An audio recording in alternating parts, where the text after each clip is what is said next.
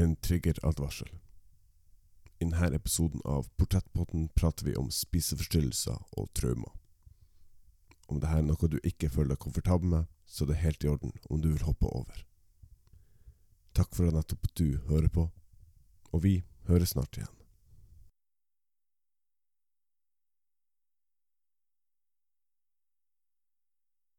I denne episoden av Portrettpodden Kontroll er stikkordet. Altså. Å få når hele, jeg følte at livet mitt gikk i oppløsning. Eh, eh, jeg hadde ikke kontroll på noen ting. Og matinntaket var noe jeg fiksa. mm. Og så fikk jeg masse komplimenter. Jeg gikk ned vekk i ro, for det tippa helt over. Ja. Så, så jeg kan ikke se tilbake og sette fingeren på én enkelt ting at derfor ble jeg syk. Har jo balansert på en knivsegg. Det har jeg. jeg burde jo egentlig ha vært død tre-fire ganger i løpet av de siste 15 årene, men eh, Jeg har aldri vært sykere enn når jeg var 40 kilo.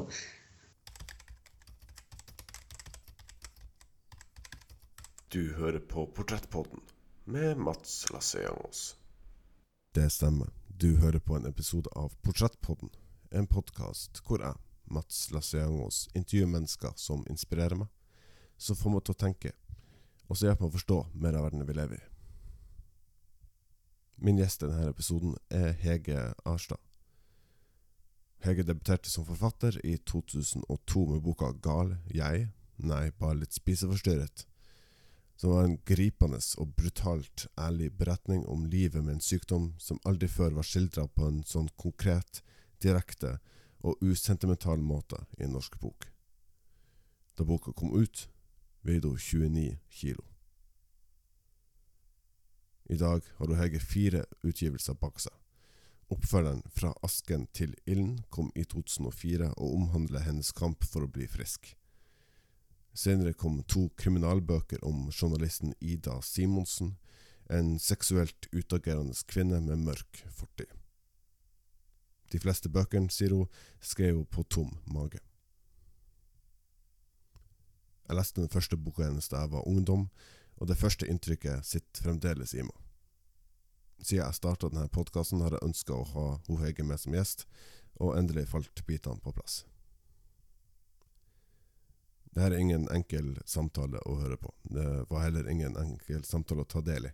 Men det viderefører, mener jeg, en viktig stemme i en debatt som ofte blir glatta litt over i media og i populærkultur. Som Hege sjøl sier, med spiseforstyrrelser mister man mer enn bare kiloene. Med det ønsker jeg dere riktig god fornøyelse, og her er Hege Arstad.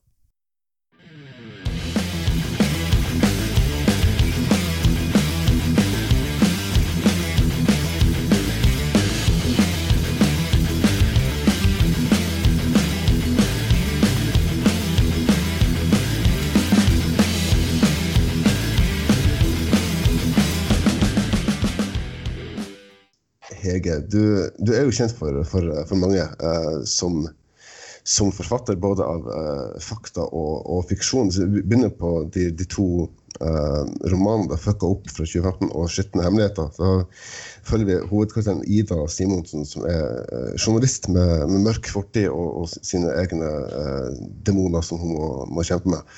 For å begynne på et litt sånn stort spørsmål, da, så er det, er det mye av Hege Asha i, i Ida Simonsen? Eh, som jeg har sagt til veldig mange, jeg er ikke Ida. Men jeg kjenner igjen veldig mye av de mørke sidene med Ida. Det å ha sine demoner som eh, man prøver å undertrykke. Mm. Eh, når ikke jeg har vært utsatt for sånn misbruk av den typen som Ida har vært. Men eh, jeg kjenner jo igjen den det behovet for å ha kontroll. Mm. Og, og, for å fylle, fylle et tomrom. Jeg brukte mm. sulten og det å kontrollere matinntaket. Ida feier over min. Ja. For å si det sånn. Si det forsiktig. Mm -hmm. Så, men litt, jeg hadde litt lyst til å skrive om en, hovedkarakter som baler med sine demoner. Og misbruk det kan uttale seg i forskjellig Folk reagerer forskjellig. Jeg har alltid sagt uh, meg sjøl at enten du sulter deg, eller om du drikker, eller om du uh, blir heroinmisbruker, de underliggende årsakene er veldig sammenfallende. Mm. Så tenker jeg, har det vært mer sosialt uh, akseptert å drikke eller sette et skudd, så har jeg kanskje gjort det. det, det, er jo uh, altså, Som du sier, det, det, du er jo ikke Ida, men, uh, men hun er jo da altså journalist. Da, altså, så hvis jeg ikke husker helt fullstendig feil, så så var du også i ferd med å, å studere til, til, å bli journalist før ting begynte å balle på seg? Ja, jeg begynte å studere journalist ganske seint. Jeg var syk, hadde vært på Modum Bad én gang og fikk innvilga omskolering. Og da mm. begynte jeg på journalistikken. Modum Bad er et sykehus som behandler psykiske lidelser.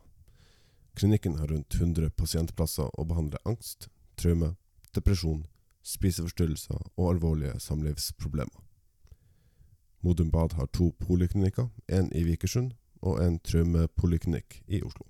Og så ja, holdt vel et semester før jeg ble innlagt igjen. Og skulle prøve igjen et par år senere, og så ja, feila igjen. Så det var at jeg aldri klarte å fullføre det, det, det har vært litt skam. og jeg syns det har vært litt vondt. Ja. Men ja. Så heldigvis mulighet til å skrive frilans likevel. Ja, ja. Mm. ja det, det, er enda noe du har til, eh, til gode å fullføre den, den utdannelsen? Ja, nå har jeg pusha, pusha 50. Jeg tippa 50, så helt uaktuelt nå, ja. ok. ja, ja. Så Nei da. Det, det, er mange måter å få skrevet på uten å gå de skolere seg. Det er sant. Mm, mm. Ja, for det må jo Altså, det er jo uh, de, de aller fleste som, som, som, ikke har levd under en stein, eller som har uh, lest i hvert fall, hvert en av bøkene, kjenner jo til den, den uh, historikken din. Um, altså, vi, vi, vi, begynte med var prate litt om de, de to romanene, men du, du, har også skrevet to, to faktabøker som er uh, 'Gal jeg', nei, bare litt spiseforstyrret, og 'Fra asken til ilden', som, som, begge handler om altså, ditt, ditt eget sykdomsforløp uh, med, med spiseforstyrrelser. Um, og for mange det kan jo selvfølgelig være eh, mange årsaker til at man utvikler en, en sånn type sykdom. Det blir helt feil for meg å sitte her og, og, og um, spekulere i det, selvfølgelig. Men, men hva, hva, var det som gjorde at, at den, den uh, det fokuset på mat ble litt større enn det kanskje burde vært? Tok litt av. Ja. Det, begynte, det, er ikke bare én sammenfallende årsak. Og det var ingen som sa til meg at nå begynner du å få litt stor rumpe, og så gikk jeg rett i kilderen og slutta å spise. Det var mm. flere sammenfallende ting. Ja. Um, men til meg så bunn Kontroll er stikkordet. Altså, å få når hele, jeg følte at livet mitt gikk i oppløsning. Eh, eh, jeg hadde ikke kontroll på noen ting. Og matinntaket var noe jeg fiksa. Mm. Og fikk jeg masse komplimenter jeg gikk ned vekk i ro, for det tippa helt over. Ja. Så, så, jeg kan ikke se tilbake og sette fingeren på én en enkelt ting at derfor ble jeg syk. Det mm. har med oppveksten min, selvfølgelig. Eh, veldig dominerende og til dels manipulerende far. Det, vi var en sånn dysfunksjonell familie, for å si det sånn. Der har jeg litt likhetstrekk med Ida. Utad blank, innad krank, ikke dem, sier ja. Så, så Ja, og noen vonde barndomsopplevelser som jeg fortrengte langt ut i voksen alder. Mm. Og ikke har ja, det er ikke noe jeg liker å snakke om, men, men det nei. eh, ja. Det er ikke noe incest, da, for å si det sånn.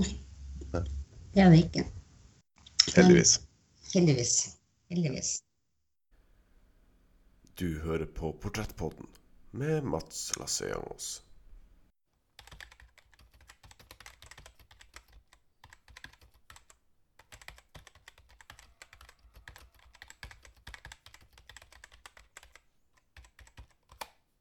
Jeg skal ikke eh, grave så, så, så mye i det, men, men, eh, er det, er det, uh, det innafor å, å, å konkludere med at den spiseforstyrrelsen kommer fra altså kan være resultat av noe som, uh, som altså en, en traumatisk opplevelse som, som har eskalert? Ja, det er det nok, men det er bare en del av det, for å si det sånn. Det er, mm, ja, en spiseforstyrrelse har sjelden én enkelt årsak. Det er, til meg så ble det en perfekt storm i dysfunksjonell familie, vonde opplevelser som barn.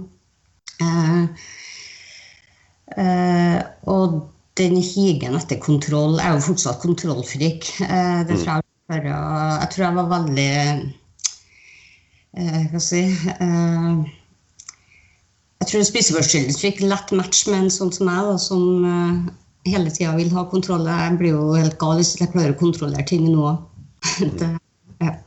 Eh, altså den første boka som da uh, handler om altså I all hovedsak handler om det, det å, å være syk, da. Um, Mm.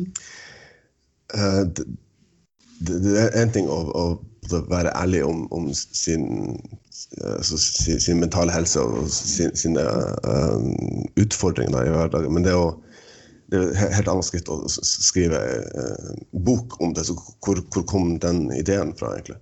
Den kom at det, skulle, det begynte med dagboknotater når jeg, under første oppholdet mitt på Modum Bad. Ja. Ja, og så når jeg var ferdig med det, så begynte jeg som sagt på journalistikken. Og så var læreren min eh, der, som nå er forleggeren min. Ja. Så det var han som satte meg på det boksporet, da. Men jeg trodde jo aldri at det skulle bli bok når jeg satt eh, på natta under dyna og skrev og skrev og skrev for hånd. Så, ja. Så at det skulle bli bok et par år senere, det, den hadde ikke jeg sett for meg. Det var ikke tankene mine mens jeg satt og skrev heller, da. Og det er kanskje derfor den har blitt så ærlig som den har blitt. da. Det, den, eh, og det når vi satt og bearbeida boka, og så var det ikke snakk om å ta bort noe mye, eller For eh, jeg ville hvis jeg først skulle gi ut noe, skulle den være hudløs. Alt måtte frem. All skam. Det skulle ikke være noe rosenrød fortelling for en spiseforstyrrelse. Det er ekkelt, det er skittent, det er trist, det er vondt, det er ensomt, ikke minst. Så alt det måtte med. Det handler om så mye om Når du er syk, så mister du ikke bare kiloene, for å si det sånn. Du mister det sosiale livet ditt. Du, ja. Ja, det, det er en av de, de bøkene jeg kan, kan huske at jeg har tenkt i ettertid den var jeg litt for ung til, eh, til å ha lest første gang. Det, altså, jeg er veldig glad for at jeg leste den, men det var, det var en del ting som jeg ikke helt forsto rekkevidden av før jeg ble, ble eldre. Og det er også en av de bøker som jeg har brukt lengst tid på å lese. fordi det rett og slett, og det mener jeg i aller beste betydning, det er veldig vanskelig å lese. Eh, for hun er, såpass, såpass uh, ærlig, da. Um, Mm. så har du når- den da den historien er, er ute i verden, og alle kan synse og mene hva de må, måtte mene om, om det innholdet, hvordan altså, eh, Var det på et tidspunkt at du tenker at oi, nå, nå vet folk for mye, eller nå, nå har jeg utlevert for mye om meg sjøl? Eh, ankepunktet, eller det som jeg slet mest med ettertid, var vel at jeg utleverte andre litt for mye. Ja, okay. Utilsikta skade. Ja, ja. Det var det, det I forhold til utlevering så var det vel den jeg har gått noen runder med, med meg sjøl etter tid. Men eh, det jeg sjøl fikk størst utfordring med, det var at jeg ble riksanorektiker over, eh, over natta. Og fikk den identiteten om mulig enda mer trygt oppi trynet, for å si det sånn. Og den, eh, jeg tror ikke jeg, om jeg har lagt på meg 20 kilo, så tror ikke jeg klarte å riste av meg den, den identiteten. Mm. Det har vel gjort det er vanskeligere for meg å gi slipp på. For det har blitt en så stor del av meg. Det, det er også en av de tingene jeg hadde, hadde tenkt å, å, å, spørre om. Det at man, man får liksom det, det stempelet ganske så mm. ettertrykkelig prega på identiteten sin, og så gjør det at, at uh, den, den, kampen for å bli, uh, bli frisk, da, ja. den bakken blir brattere. Liksom. Mm. Det, ja, det, det er det i veldig mange år ikke jeg tenkt hvis jeg ikke har anoreksien, hva har jeg da? Jeg, ikke sant? Mm. Så sånn sett var det veldig befriende å begynne å skrive om noe annet enn meg selv. Det, ja. det, det så, nå har jeg ikke lest så veldig mange uh, anmeldelser av, av, av bøkene jeg vil helst skaffe mitt, mitt eget bilde. Men uh, mm. uh, i ditt inntrykk da, så har har lesere uh, lettere for å tenke at jo, det, det må være likheter mellom, mellom Hege og Ida, eller uh, er det friskt pust at, at, det ikke handler om, om det? Jeg var veldig bevisst på at det ikke var, skulle være om meg og minst mulig, men jeg ser jo når jeg satt og skrev at det er en del likhetstrekk. Mm. Uh, det mørke synet, kynismen, som jeg har Dessverre, vil noen si. Mm. Eh, den er jo en veldig stor del av meg òg.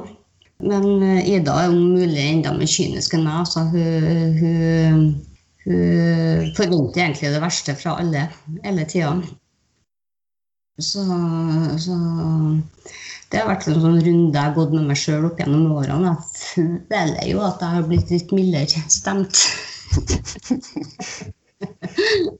ja, man, man blir visstnok det med årene, har jeg hørt.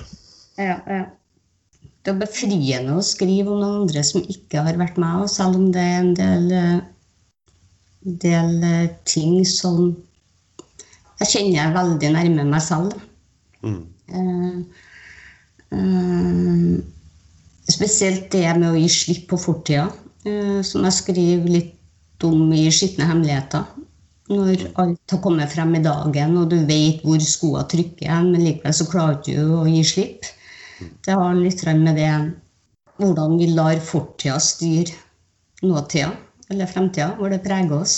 Og hvordan vi danner oss egen du har hull i historien din, og så danner vi oss en egen historie, eller skaper oss et narrativ som er lettest mulig å leve med. Eh, for eh, alternativet er for vondt å forholde seg til.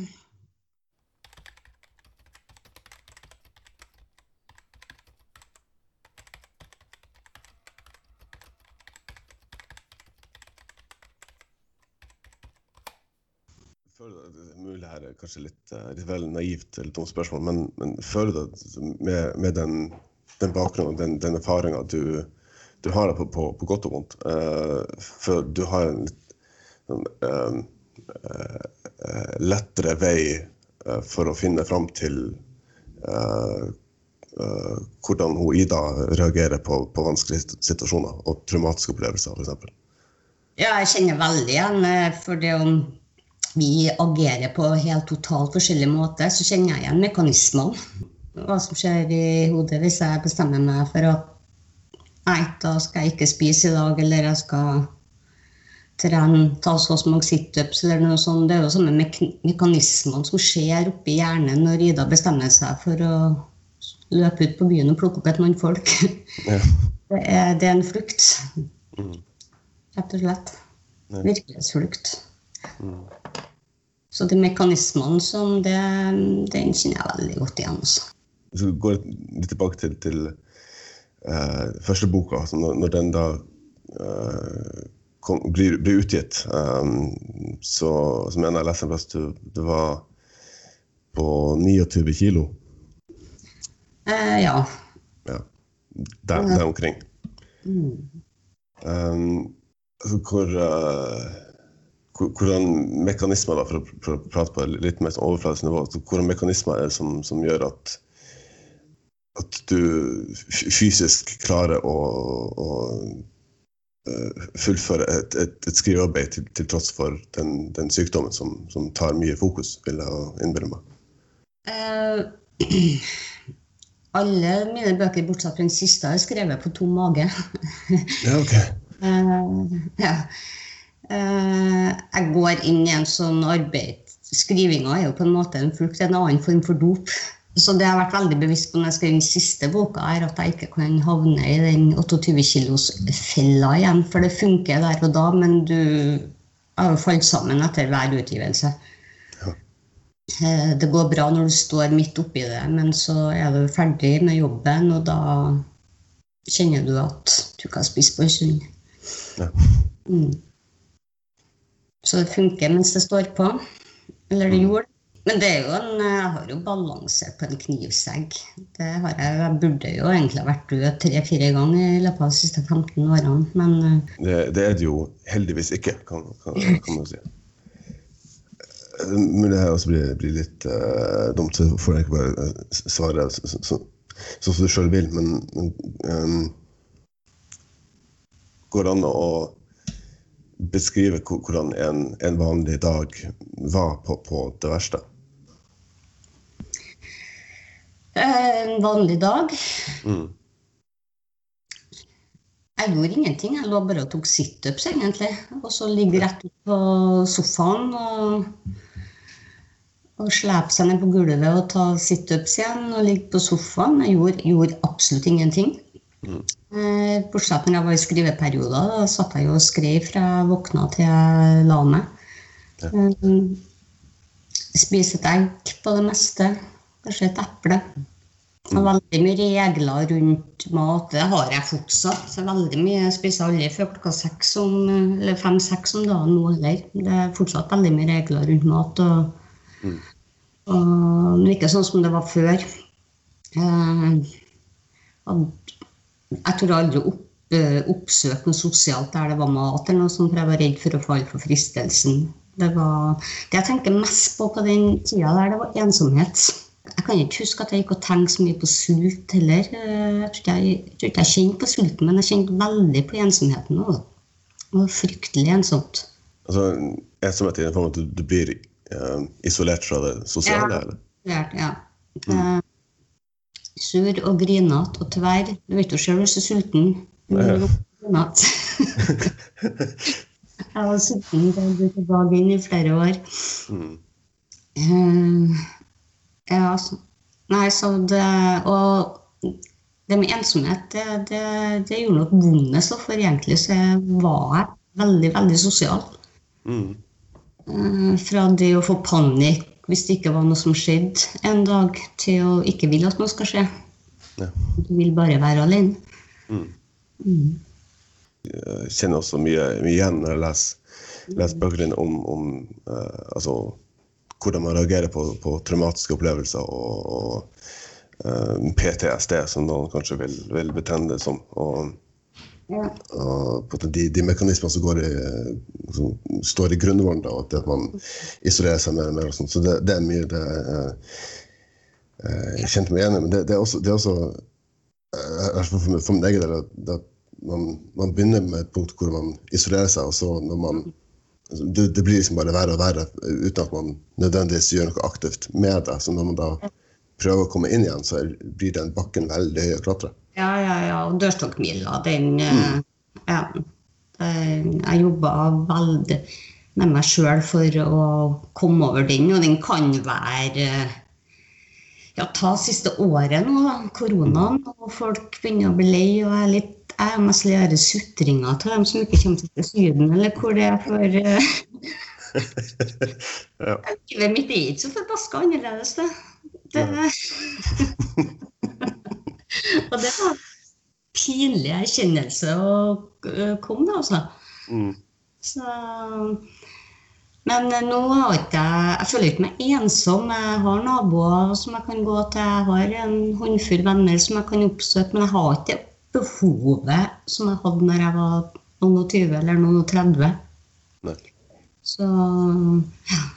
Eh, Men eh, jeg tror jo det er en by skam i det å være alene og det å være ensom. Og sosiale medier eh, har jo brakt verden tettere sammen, men like fullt er det veldig mange som føler seg ensomme. Og jeg tror ikke sosiale medier har gjort folk ensomme, men den har tydeliggjort den. For de sitter og scroller på Facebook, de sitter og scroller på Instagram og, og ser hvor fantastisk innholdsrike folk har. Og så sitter du der og lurer på om du skal gå på HBO eller Netflix. Så jeg tror sosiale medier har Kontrasten har blitt mye større og mye tydeligere. Hvordan har du det i, i løpet av denne pandemien? Altså, er, er- du i en, i en eh, risikogruppe pga. det du har vært gjennom, eller? Ja. Eh, eh, sånn, sånn søt liten bivirkning av å ha herja med kroppen i 30 år, det er at jeg har rasert immunforsvaret. Og det er kronisk. Så jeg tilhører høyrisikogruppa, så jeg sitter og venter på telefonen for å få vaksina snart. Men eh, det skjer jo ikke. Så når koronaen kom, da ble jeg pålagt å sitte i isolasjon i seks uker. Og det tenkte jeg jo skulle gå aldeles strålende, for jeg er så vant til å sitte alene likevel. Så null problem så lenge jeg hadde wifi og her og skriving, så det skulle ikke være noe problem. Men da fikk jeg faktisk liksom Modum Bad-flashback. Ok. Å sitte oppe i skauen der og ikke få lov til å gjøre noen ting uten å be pers personalet om lov. Den begynte jeg å kjenne på flere Da jeg ble satt i isolasjon, så var det jo fra legen. Men hvis ikke jeg fikk mat, drikke, alt bringe på døra, så var jo ikke et menneske. Nei. Så da fikk jeg flashback til Modum Bad, altså når ikke den, den alenetida var selvvalgt. Eller at jeg ikke bestemte sjøl. Det var noen utenfor min kontroll som sa at eh, du må holde deg inn i seks uker. Så, så den kjente jeg på akkurat da. Ja. Eh, I hvert fall etter ei uke eller to eller tre. Så, men så kom jeg jo ut av isolasjonen, og så Ja, ikke så veldig annerledes. så jeg gå på butikken sjøl. Ja. Men det har dere der med at ting er selvvalgt, og du ikke blir at det pålegges deg ut, utenfra. Altså. Det er stor forskjell. Du hører på Portrettpodden med Mats Lasseangos. Altså, den andre boka du, du skrev, du tar fra asken til, til inn, handler jo ho- hovedsakelig da, i store trekk om, om den, den kampen for å bli, bli frisk. Mm. Uh, for å trekke det litt, litt sånn større linje, hvordan, hvordan har du det i, i dag? I dag, eh, for å bruke et favorittordet mitt, kontroll Nei, jeg har ikke helt kontroll på spiseforstyrrelsene. Jeg er fortsatt, som jeg sa, veldig, veldig mye regler rundt mat og bespisning. Eh, og jeg er sykelig opphengt i vekta mi. Men eh, jeg har funnet ut de siste årene at hvis jeg skal klare å skrive innimellom og gi ut bøker og skrive frilansjournalist, så kan ikke jeg leve på sultegrensa. Det- Hodet funker ikke lenger. Så det er så nødvendig onde å funnet overhodet ikke trivselvekt, men ei vekt som jeg funker som noenlunde på, i hvert fall. Mm. Så jeg tror det er litt sånn som alkoholisme eller stoffmisbrukere. Jeg kan si en gang alkoholiker, alltid alkoholiker, for om de ikke drikker. Mm. Jeg tror jeg, alt, jeg tror aldri jeg klarer å kvitte meg helt med spiseforstyrrelsen. Den, eh, til det har han fått trivdes og grodd i tre tiår. Det er ikke bare det mista meg. Så, men jeg funker. Jeg funker mye bedre nå enn hva jeg gjorde bare for noen år siden. Det er i hvert fall godt å høre, om, om ikke annet. Mm. Uh, så igjen på, på dine egne premisser, selvfølgelig. eh, går det an å, å spørre om hvor- hvordan type, type regler du har rundt, rundt mat? da? Eh, som jeg spiser aldri, aldri før klokka fem. Det, det skjer ikke hvis jeg ikke er på ferie og det er vinlunsj.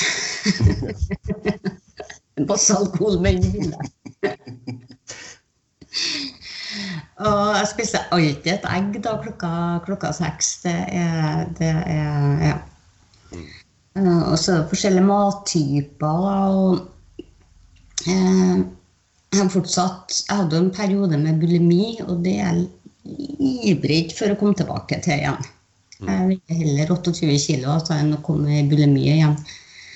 Eh, og da vet jeg hvilken mat som kan trigge det. Jeg tør ikke å spise pasta alene. Jeg kan spise det sammen med noen. For da er det ikke noe fare for at jeg overspiser. Men jeg er livredd for å spise det. Jeg tør ikke spise det alene. For det var sånn mat som jeg kunne overspise på når jeg hadde bulimi. Pizza tør jeg aldri å spise alene. Uh, ja, det er veldig mye sånn mattyper som jeg er redd skal trigge overspising. Da. For uh, jeg er sulten hele tida. Jeg har vært sulten i tre tiår. Jeg tør aldri å spise meg helt mett. Er du mett, er du feit. Det ligger liksom fortsatt i, i bakhodet at hvis jeg spiser en porsjon til, så Ja. blir det overspising. Ja. ja. Og jeg vet alltid hva, hvor mange kalorier ting inneholder. Det, det er nesten så det bare jeg skanner det. Jeg tenker ikke over det lenger. Nei. Det som er litt skummelt og trist, at jeg, blir, jeg holder på sånn i så mange år, så det blir så normalt. Mm. Det, det er min normal her. Det, ja. Ja. Og det er jo litt kjipt, da, for jeg hører jo når jeg sier det høyt, at det er jo ikke akkurat normalt. Nei, det, det, er, det jo ikke det, men det er jo altså, Hvis det er lov å si, så er det jo, det er jo en normal situasjon for deg da. Ja, ja, for meg er det normalen. Det, Ja.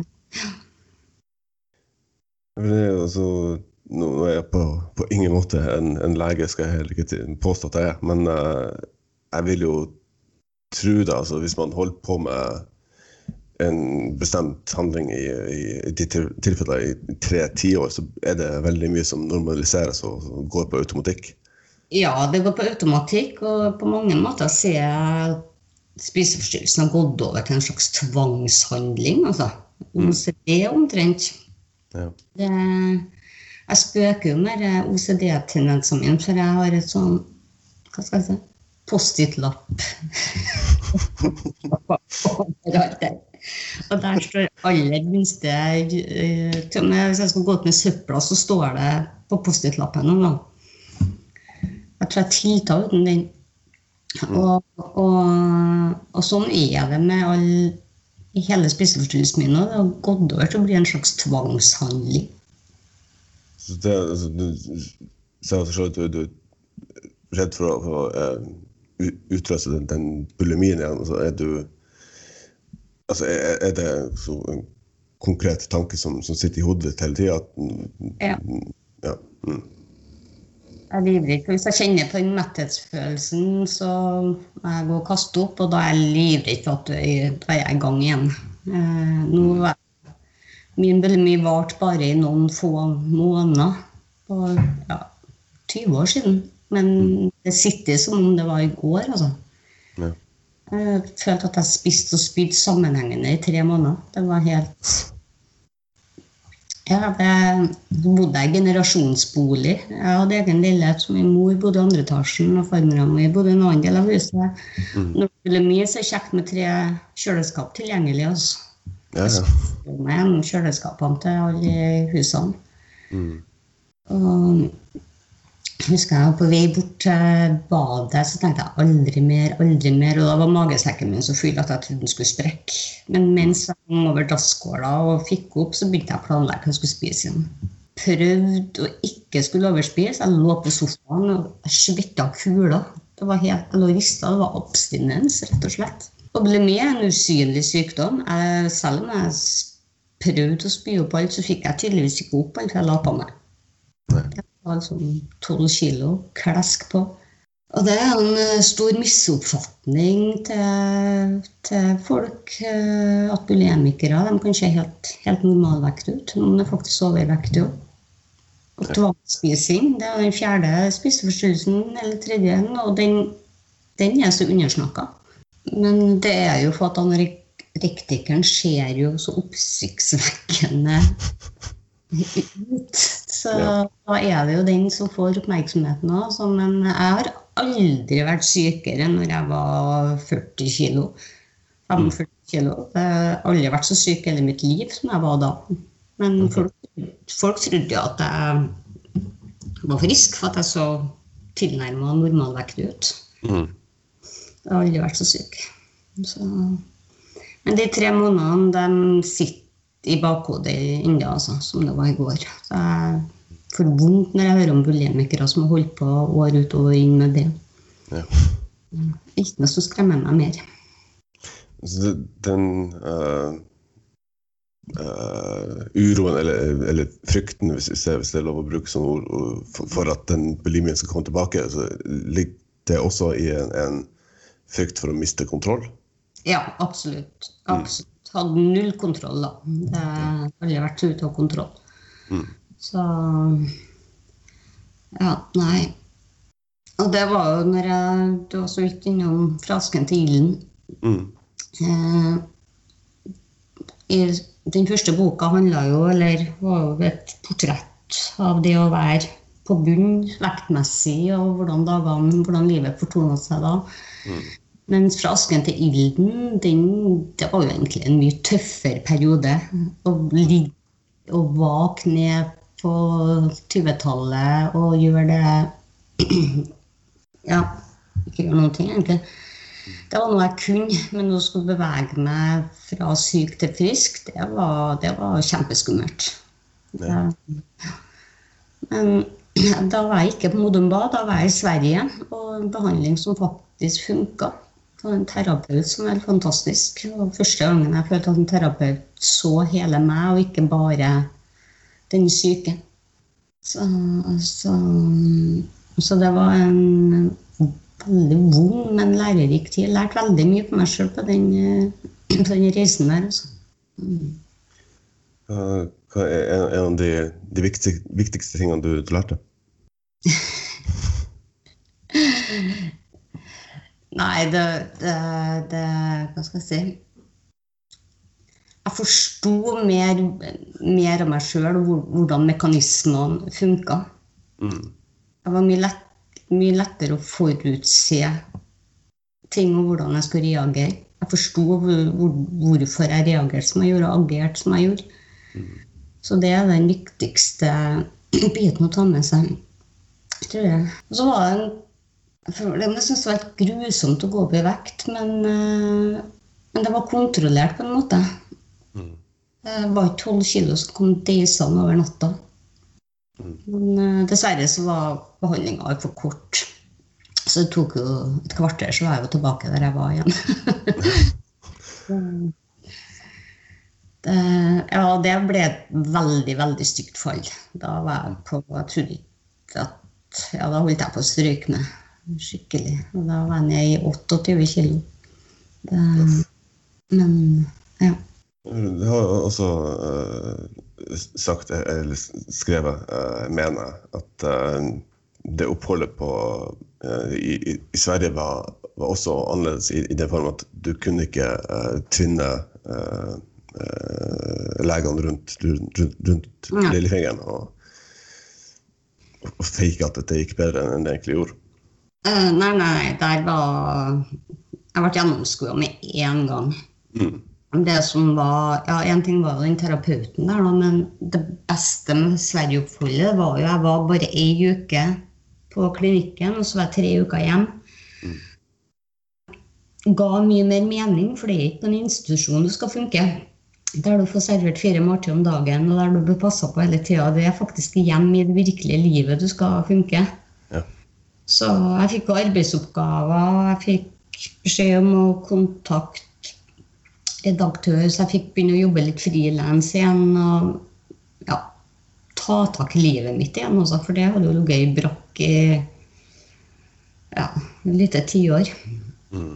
Så det var bygd stein for stein igjen, altså. Det, Hva, hva var, uten å grave for mye igjen, eh, hva, var grunnen til at det oppholdet varte så, så kort? Nei, det var øh, pasientbro mellom Sverige og Norge. De sendte øh, folk med spiseforstyrrelser til utlandet mens de holdt på å bygge opp sitt eget apparat hjemme her. Mm. Og det var bestemt fra politisk hold at det skulle vare i ett år eller to år, eller hvor lenge den, den, brua De bevilga penger til det. da. Mm. Eh, Og da var det flere forskjellige typer behandlinger i utlandet å velge i. Som fikk smørbrødliste. Så jeg tok den som var diametralt forskjellig fra det jeg hadde prøvd hjemme her. Det er ikke vits å reise over grensa bare for å gjøre det samme du hadde vært gjennom her, for det hadde jeg bevist gang på gang at det ikke funka. Mm. Og da var det et halvt år, da. Der jeg var ei uke der på klinikken og tre uker igjen. Mm. Det var, var egentlig så var jeg totalt seks uker. Ja. Og ennå så funka det så bra. Mm. Nei, og så var det der det er å begynne å fylle dagene med noe meningsfullt igjen. Det Mm. var jo Jeg hadde liksom våkna i mange, mange år og tenkt 'å nei, en ny dag'. Bare dagen strekker seg ut som et tomt lerret, og det er ikke noe å fylle med. Så det var det å begynne å fylle dagene med noe meningsfullt igjen. Og hva skulle det være? Liksom, ok, jeg kan skrive. Mm. Mm. Så skrivinga har på mange måter redda meg, vil jeg, vil jeg si. altså. Det ga meg en grunn til å stå opp. Du hører på Portrettpodden med Mats Lasseangos.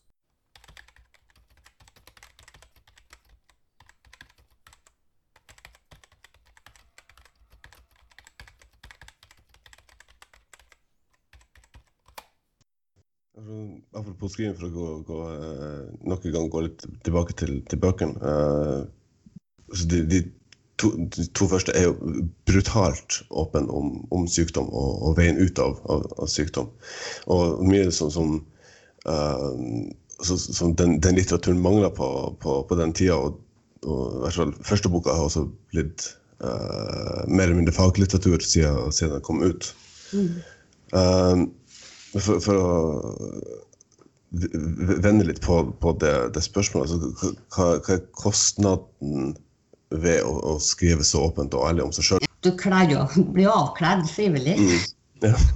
Eh, og, og som sagt, det, det som for meg, det var ikke det å fortelle alt, for det var jeg så bestemt at For jeg hadde lest Jeg syns litteraturen som ble utgitt eh, Det var rosemalt.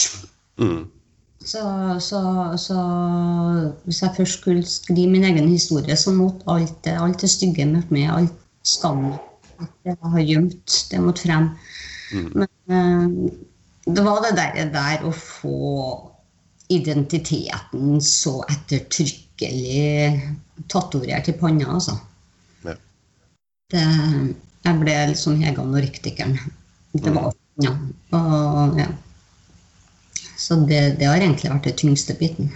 Det har også, altså, for å trekke, trekke teppet litt tilbake, så vanligvis når jeg eh, gjør research på, eh, på gjester som jeg på, føler jeg har kjennskap til, men ikke så veldig, veldig godt, så prøver jeg å finne andre intervjuer de har gjort. Det, eh, det var, litt, litt vanskelig å finne i hvert fall podkaster eller, eller skriftlige intervjuer som, som du har gjort i, i, i senere tid. Men eh, Mulig jeg spekulerer litt forvirt der, men er det også fordi du vil unngå det Hege anorektiker-stempelet? Ja, ja.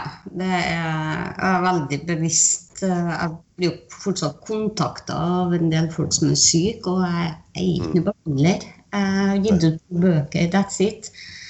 Og så det er veldig vanskelig å avvise folk òg. Det er jo syke mennesker som ja, fin- har funnet støtte i bøkene og gjerne vil prate med meg, men der òg er jeg det er ikke for å være slem eller for å være avvisende, men jeg er livredd for å bli trigga.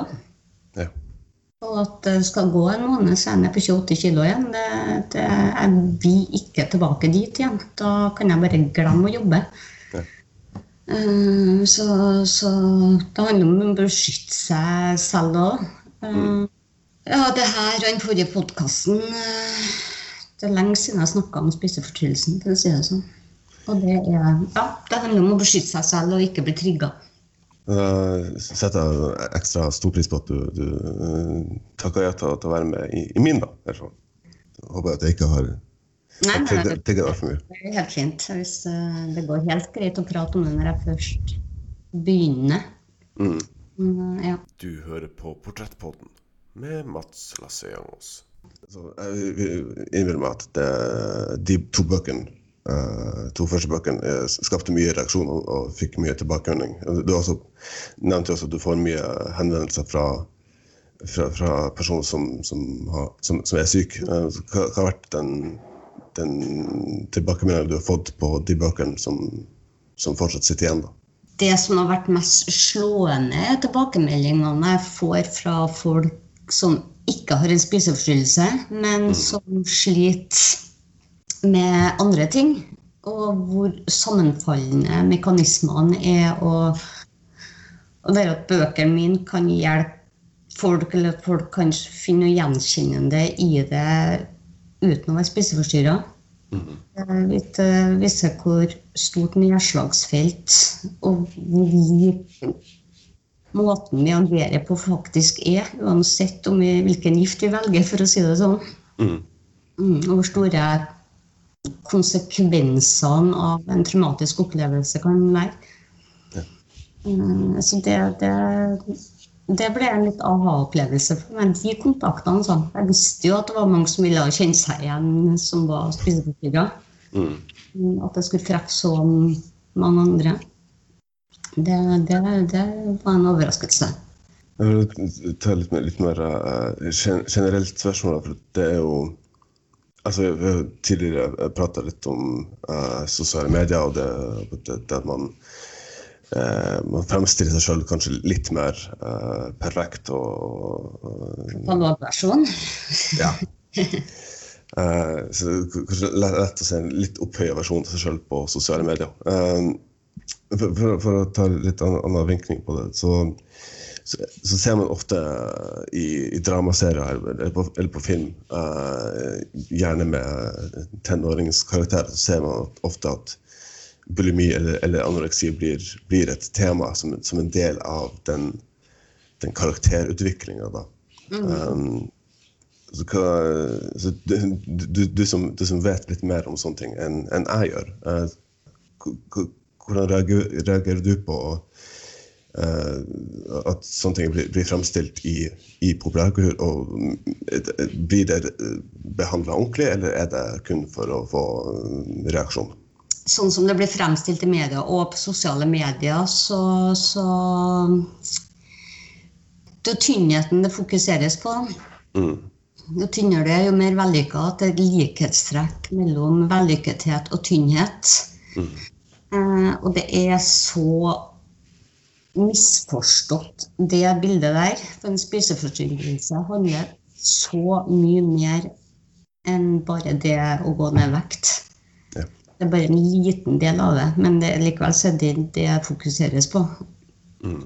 Og man skulle tro nå at etter så mange år, etter så mange, det har blitt skrevet mange bøker etter meg, og det, media blir jo aldri lei av å skrive det heller, at man skulle ha kommet litt lenger og se bak tynnheten. Mm. Eh, og at det fortsatt stilles eh, likhetstegn mellom tynnhet og vellykkethet, det, det, det er litt skremmende. Så hvis er et tips som, eh, som media kan, kan eh, ta med seg videre, så er det i det at burde kanskje eh, male med litt, litt bredere pensel. Litt bredere tenkt og gi overspising en større plass. Det er en spiseforstyrrelse som er altfor undersnakka. Mm.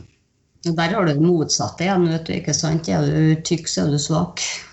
Er du tynn, kontroll, ikke sant? Og det, Jeg tror, tror også mye det som, som går igjen så, altså, når man har, eh, går gjennom eller har opplevd en, en traumatisk hendelse, det, det er at det føles at man, man må ha kontroll på i hvert fall én ting.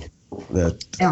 det tror jeg er noe mange kan kjenne seg igjen i, uavhengig av om de har spise- spiseforstyrrelse eller ikke. Ja, så tenker jeg hvis man føler at livet smuldrer opp i hendene på en, så er det en måte Per kan kontrollere maten, den kan kontrollere vekta. Eh, og hvis du klarer å gå ned vekta, så får du en mestringsfølelse der som du kanskje ikke har hatt på lenge tid. Eh, ja. ja. Kontroll er stikkordet. Apropos det, så det, det er jo det er mye eh, Spesielt midt i en pandemi, så det er jo mye man ikke kan kontrollere. Det er veldig vanskelig å vite hvor, hvordan ting går, og når ting blir bedre. og, og, og sånn. Så har, har du eh, har du, har du planer om å skrive, skrive flere bøker, eller kommer, eh, kommer det etter hvert? Jeg har planer om å skrive en siste bok om Ida. Jeg er ikke helt ferdig med ennå. Mm. Jeg har jo gitt henne et tøft liv. Ja, ja. Du har ikke vært snill med henne. Jeg har ikke gjort det enkelt for henne, stakkars Ida. Nei. Eh, og jeg syns hun fortjener litt lykke. Mm. Så, så planen er å begynne å få skrevet på den nå i løpet av våren, sommeren, så får vi se hvor det bærer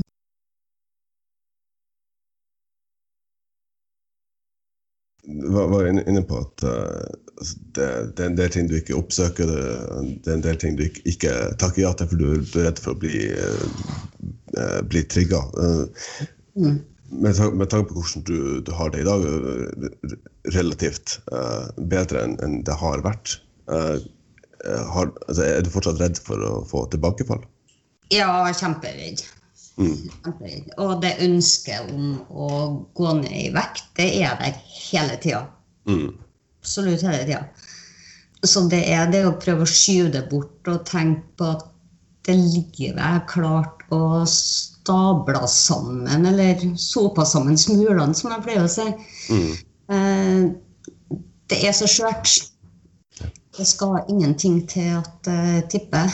Og, og har ikke jeg hatt frilansoppdrag, hadde jeg hatt manus som jeg jobber med, så, så tror jeg jeg har vært tilbake der jeg var for noen år siden. Altså. Mm. Mm, så nå er det ja, Selv om ønsket om å gå ned i vekt, så vet jeg jeg, jeg fungerer ikke Hodet mitt fungerer ikke hvis jeg, jeg går for lavt ned i vekt. Så det Mm. Jeg har funnet en slags balansegang, men det, det er veldig skjørt. Det er veldig skjørt, Så jeg, jeg må hele tida være på vakt. Du har hørt på en episode av Portrettpodden. En podkast med meg, Mats Lasse og min gjest i denne episoden var forfatter Hege Arstad. Hvis du har kjent deg igjen i noe av det vi har snakka om i denne episoden, eller du har en venn som kan trenge noen å prate med, da kan man ringe Rådgivning om spiseforstyrrelser. Nummeret dit er 948 17818. Nummer én er 948 17818. Er du pårørende, kan du ringe pårørendelinja på 47 48 40 82. Er nummer igjen 47 48 40 82. De har også en nettside som er www.nettros.no. Der finner man mye mer informasjon. Har du gjort deg noen tanker mens du har hørt denne episoden? Har du ris eller ros eller tips som skal komme, så kan du rette deg til Portrettpodden sine Facebook-sider. Min takk til Hege Arstad for at hun tok seg tid til å være med i denne episoden. Portrettpodden arbeider i henhold til Vær varsom-plakaten. Takk for at nettopp du hørte på, og vi høres snart igjen.